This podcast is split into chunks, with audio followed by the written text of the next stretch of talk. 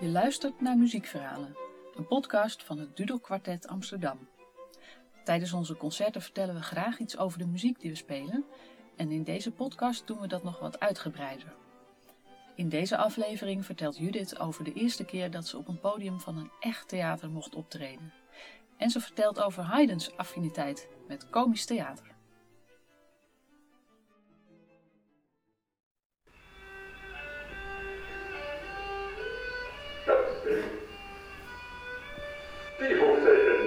Niet af te wassen. Hij draagt een groot blok. Een blauw. Hij zet het blok neer. Midden op het plein. Hij loopt er zo heen. Wat je hier hoort is een opname uit 1991. De kwaliteit is niet super, want het is een opname van een videoband gemaakt door mijn vader. Want dat violistje wat je daar hoort, dat ben ik. Ik was zes jaar en ik stond voor het eerst van mijn leven op groot podium. Mijn vader was onderwijzer. Maar niet zomaar één. Hij was er zo eentje die eh, elk jaar een, een bijzonder project verzon. En dat jaar, in 1991, had hij met zijn beste vriend, die directeur was op een school voor zeer moeilijk lerende kinderen, een eh, musical bedacht. Die musical heette Het Kleurenmonster. Daar zou ik zo een hele podcast over vertellen, maar dat eh, doe ik wel een andere keer. Maar voor mij was het de allereerste keer dat ik voor een echt publiek speelde. Eigenlijk had ik helemaal geen grote rol in de musical. Sterker nog, ik kwam alleen aan het begin even op het podium en dan speelde ik dit liedje. Het was een stukje uit het ballet Rosamunde van Schubert. En daarna was mijn rol weer klaar. Maar voor mij was het de rol van mijn leven. En ik herinner me nog dat ik daar stond op dat enorme podium. Het was in de stadsgehoorzaal van Kampen. En toen ik daar later nog eens terugkwam, toen zag ik dat dat podium helemaal niet enorm was en de zaal ook niet.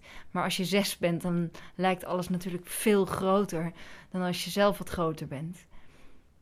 En ik stond achter dat gordijn en aan de andere kant van het gordijn, wist ik, zat de zaal vol met mensen.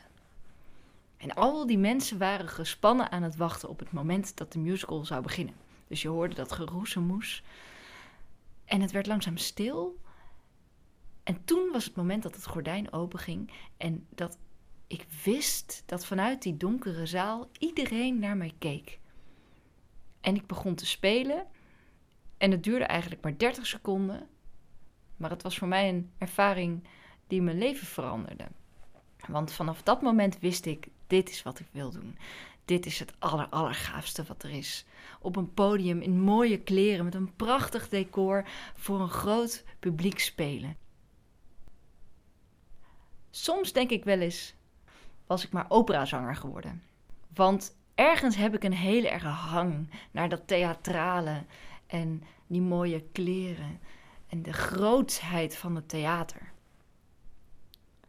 Maar uiteindelijk ben ik heel blij dat ik in een strijkkwartet ben beland, want daar kan je dat grootste van het theater ook heus wel laten zien. Zoals in Haydn opus 20 nummer 6. Wie aan Haydn denkt, die denkt niet zo gauw aan theater. Die denkt aan kamermuziek of symfonieën. Maar Haydn heeft ontzettend veel opera's gecomponeerd, die gek genoeg lang niet zo beroemd zijn geworden als die van Mozart. Ik denk dat Mozart Haydn daar een klein beetje in de weg heeft gezeten. Maar Haydn's opera's zijn zeer de moeite waard om naar te luisteren.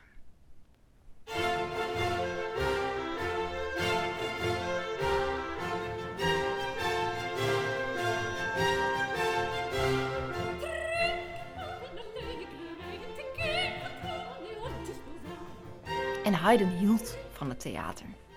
En dan misschien nog wel het meest van het komische theater. Daar zit een geschiedenis achter. Haydn was een jaar of 19 toen hij in Wenen woonde op een kamertje. Na zijn stembreuk was hij uit het jongenskoor gezet en hij probeerde uh, met allerhande klusjes zijn centen bij elkaar te scharrelen. En dat was echt niet veel, dus hij deed schoonmaakwerk en hij speelde ook op straat. Zo gaat het verhaal. En op een dag, hij bracht een serenade aan een mevrouw die voorbij kwam. En dat bleek de vrouw te zijn van een beroemde acteur, de komiek Johan Jozef Felix Koerts, die onder de naam Bernardon furoren maakte in het Kerntner Theater. Hij was, kun je zeggen, de André van Duin uit zijn tijd. Geliefd bij het volk. Maar de elite, die vond het allemaal maar niks. Maar Haydn, die kon het wel waarderen. Het komische theater. Hij was zelf ook maar een gewone jongen. Goed, even terug naar die straat in Wenen. Koerts komt op hem af en hij vraagt: Wie is de componist van dat stuk wat je net speelde? En Haydn die zegt een beetje bescheiden: Nou ja, dat, uh, ja, dat heb ik zelf gecomponeerd. En dan stelt Koerts hem voor om met hem mee te gaan naar huis en een stukje te improviseren op de piano. Nou, Haydn die stemt daar meteen in toe, want hij is op zoek naar werk. En aangekomen in het huis van Koerts neemt Haydn plaats achter het klavier. En Koerts zet een stoel neer, waarschijnlijk was het een stoel met wieltjes, en hij vraagt zijn bediende om die stoel rond te rijden door de kamer. En hij begint wild te zwaaien met zijn armen en benen alsof hij in het water is gevallen en er probeert weer uit te komen. En Haydn begint te improviseren. In een zes achtste maat. Zo gaat het verhaal. En als Haydn klaar is met spelen, rent Johan Koerts op hem af, omhelst hem en overlaat hem met kussen. En hij roept: Haydn, jij bent mijn man. Jij gaat theatermuziek voor mij componeren. Zo gezegd, zo gedaan. Haydns eerste opera in samenwerking met Johan Koerts was Der Krumme Teufel, de kromme duivel.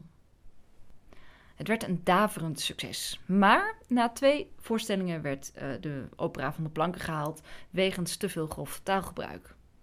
Haydn verdiende er wel een aardige duit mee. 25 ducaten verdiende hij ermee. Dat was uh, een heel goed salaris voor hem in die tijd. En bovendien bracht de samenwerking met Koorts Haydn zoveel bekendheid dat hij daardoor opviel bij vorsten, zodat hij later zijn aanstelling kreeg als kapelmeister aan het Hof van de Esterhazys. Haydn's talent voor komische theatermuziek komt terug in heel veel van zijn strijkkwartetten, maar misschien nog wel het meest in zijn opus 20 nummer 6.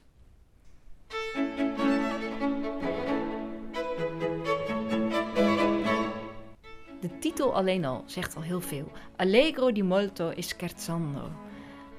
Wat wel interessant is aan dit deel, is dat Haydn je op het verkeerde been zet. De andere vijf kwartetten in deze reeks, Opus 20 reeks, die ehm, gaan over gelijkheid, over democratie, over dat alle stemmen even belangrijk zijn. En dan komt het zesde kwartet en daar geeft hij ineens een enorme solo-rol aan de eerste viool. Misschien was er wel een violist aan het hof waar hij toen componeerde die uh, had lopen klagen dat hij niet genoeg in de schijnwerper stond en dacht Haydn, nou, ik zal je wel even krijgen. En eigenlijk, dat is het leuke aan dit stuk, is het een soort karikatuur van de solist. Je ziet die komiek van Bernardon al helemaal voor je als je dit stuk hoort. Luister maar eens hoe het begint.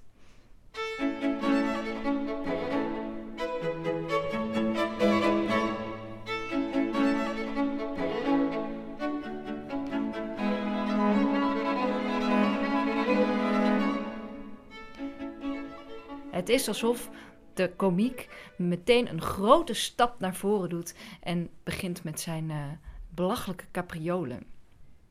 En daarbij wordt hij aangemoedigd door drie compagnons. En eigenlijk, dat is mijn gevoel, eigenlijk dagen die hem steeds een beetje uit om nog gekker te gaan doen. Heel hoog op de geest daar. Uh, dat is heel moeilijk en dat klinkt ook heel potsierlijk als het überhaupt al lukt. Want een mooi geluid krijgen zo hoog op de geestnaar. Dat lukt eigenlijk helemaal niet.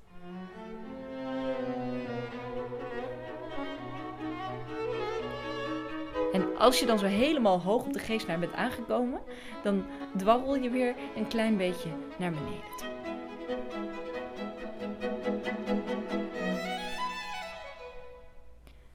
Nog een spitsvondigheid van Haydn is een kort melancholisch fragmentje.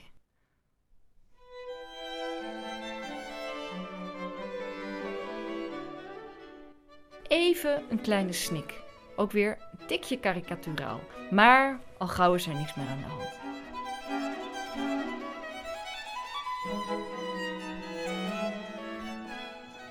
En als de scène bijna voorbij is, dan zingen we nog even met z'n allen in koor.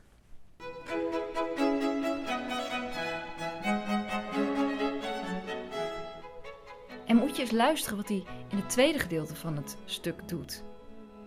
Hier laat hij de eerste viool echt halsbrekende toeren uitvoeren en wordt daarbij wild aangemoedigd door de tweede viool.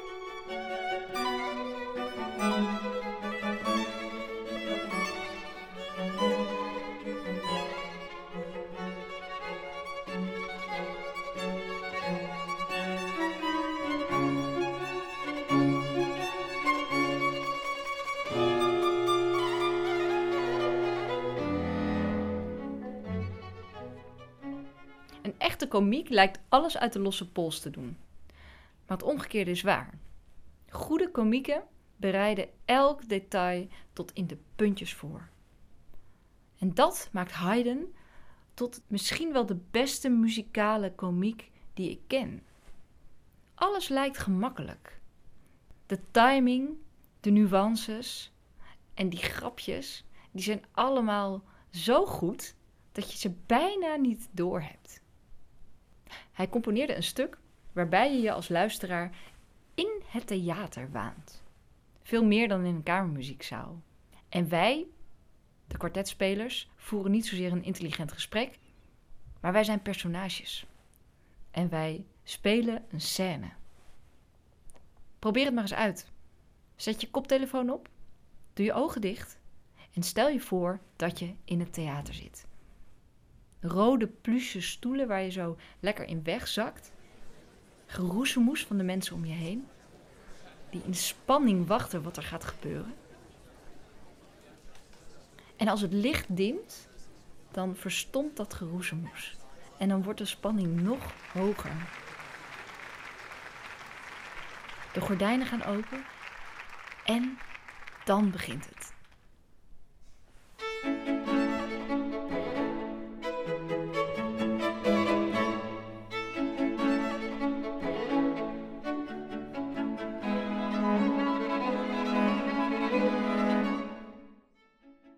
Bedankt voor het luisteren. Dit was een fragment van Opus 20 nummer 6 van ons nieuwste album. Klik op de links in de beschrijving om meer te horen of om een donatie te doen. Verder hoorde je in deze aflevering een stukje uit het ballet Rosamunde van Schubert, van Haydn een aria uit de opera L'infedeltà delusa, uitgevoerd door sopraan Lisa Larsson en het Combattimento Consort onder leiding van Jan-Willem Vriend, een stukje uit Haydn's partita voor piano in G groot door Christian Bezuidenhout en natuurlijk onze Haydn Opus 20 nummer 6.